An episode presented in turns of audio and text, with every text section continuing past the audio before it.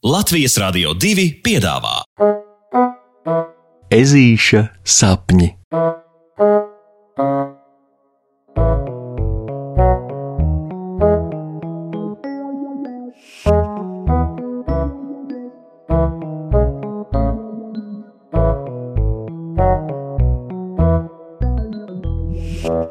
Ezītis un šokolādes ola. Kas gan šīs ir bijušas par brīvdienām? Oi!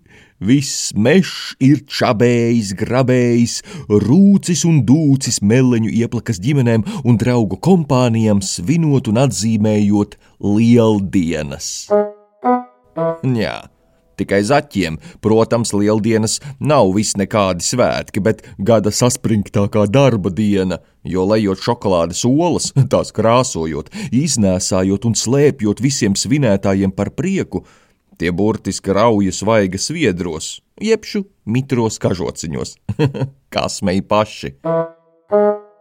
Tāpēc nav nekāds brīnums, ka šodien klasē nav pagājušas pat desmit minūtes, kā zaķu Jancis jau saldi šņāts. Taču pēc lieldienu lielajiem olu nēsāšanas darbiem, kas izsenis ir tieši zaķu pienākums, skolotāja meža cūka Loreta to nemaz neņem vērā un pat kopā ar pārējo klasi pieklusina balsi, lai netraucētu varenajam strādniekam gulēt. Tradīcijas ir jāciena gan svētku dienā, gan arī pēc tam, bilst skolotāja Loreta. Tāpēc manās stundās, kā briežiem pēc Ziemassvētkiem, tā arī zaķiem pēc lieldienām, gulēšana ir ne tikai atļauta, bet pat vēlama. Viņa ar dziļu cieņu piemetina. Te skaidrības labad gan jāpiebilst, ka briežu gadījumā runa ir par Ziemassvētku vecīša un viņa rūķpalīgu kamanu vilkšanas pienākumiem, kas arī ir tradīcija un arī prasa pamatīgu spēku daudzumu, jo Būsim godīgi, vienā naktī iznēsāt visiem pasaules zvēriem un cilvēku bērniem dāvanas. Hohoj! Tas nu nav nekāds mazais darbiņš. Šajā reizē Zaķu Jancis vispār burtiski izkausēja skolotājas meža cūkas Loretas sirdi, jo tieši pirms aizmigšanas vēl paziņoja, ka šogad sasniedzis viņa olu piegādes rekordu. Jo esot sanesis un zālēs paslēpis apaļas 777 olas, par ko lielākais paldies jāsaka tieši skolotājai, jo vēl pagājušā gadā viņš nemaz nebūtu mācējis tik tālu aizskaitīt. Protams, ka Loreta uz līdzenas vietas apraudājās, un tagad Jančukam par godu stunda notiek pieklusinātos čukstos, ka, piemēram, puksītis nedzird tieši un pilnīgi neko noteiktā.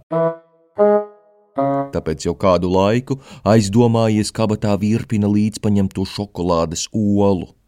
Puksītim piezadzies arī satraukums, jo kā nu ne, šis būs viņa pirmais olu sišanās cīņu čempionāts skoliņā.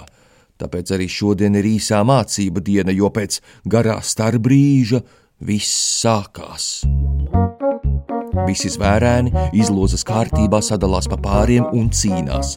Tad attiecīgās kārtas uzvarētājs no katra pāra tiek tālāk nākamajā kārtā, kurā visi atkal sadalās pāros, un tā mačs turpinās līdz paliek pāri viens vienīgs laimīgs uzvarētājs ar pašu stiprāko olu ķepās.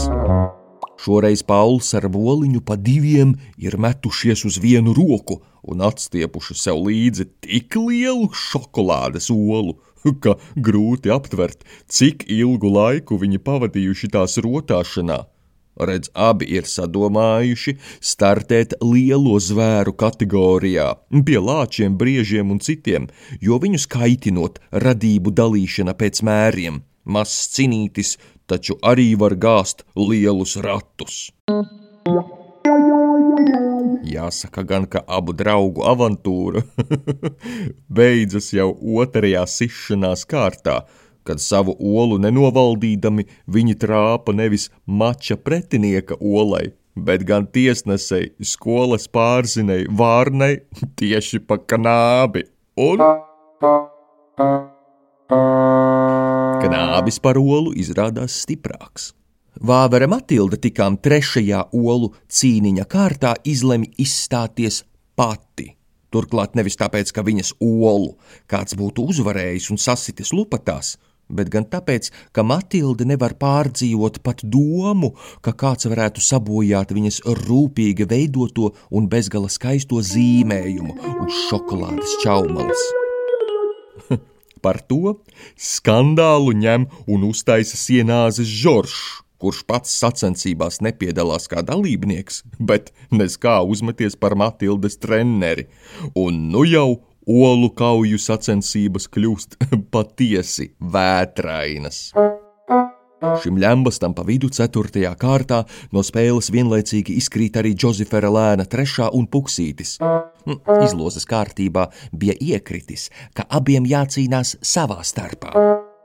Un pēc pirmā olu sitiena abu olas ņem un saplīst vienlaicīgi un vienlīdz stipri ļaujot cīniņā uzvarēt draudzībai un apkārt stāvošajiem izvirst atvieglojuma smieklos.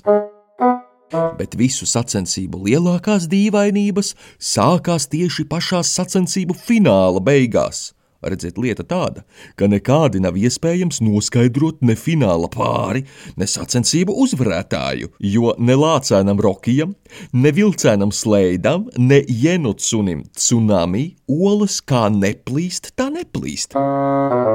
Pāros viņi mainās gan šā, gan tā, gan klausot skolotājas Loretas ieteikumiem, mēģina olām sasisties pēc ieskrējiena, un tad pēc palēciena, un kā tik vēl ne, bet nu neplīst. Nu neplīst neviena no tām trim olām. Un tikai tad, kad skolotāja Loreta ir pasludinājusi sacensībās pārtraukumu un dodas pārlasīt sacensību nolikumu, jo nu jau pagurusi no visa ļembasta ir arī viņa, Rokijs, Sleids un Tsunami galvas kautri nodūruši skolotājai un pārējiem atzīstas, ka viņi tā kā drusku pašmaucās. Redziet, Rokija ola patiesībā ir no koka un viens šokolādes pārklāta. Savukārt sleida ola patiesībā ir olas formas olis. bet tsunami ola vispār ir no tīra zelta un mantota no viņa vecvec, vecvec, vectētiņa. Te tev nu bija. Kad visi draugi ir jokos atzinušies, tad skolotāja Loreta pasludina, ka šogad lielajās olu sišanas sacensībās ir uzvarējusi asprātība. Un lieki piebilst, ka tas sola nākamā gada sacensībām būt vēl jo asprātīgākām. Hm, un kāda tavuprāt varētu būt pati stiprākā šokolādes ola pasaulē? Kā tu domā? Hm? Pasakas beigas ar labu nakti, draugi!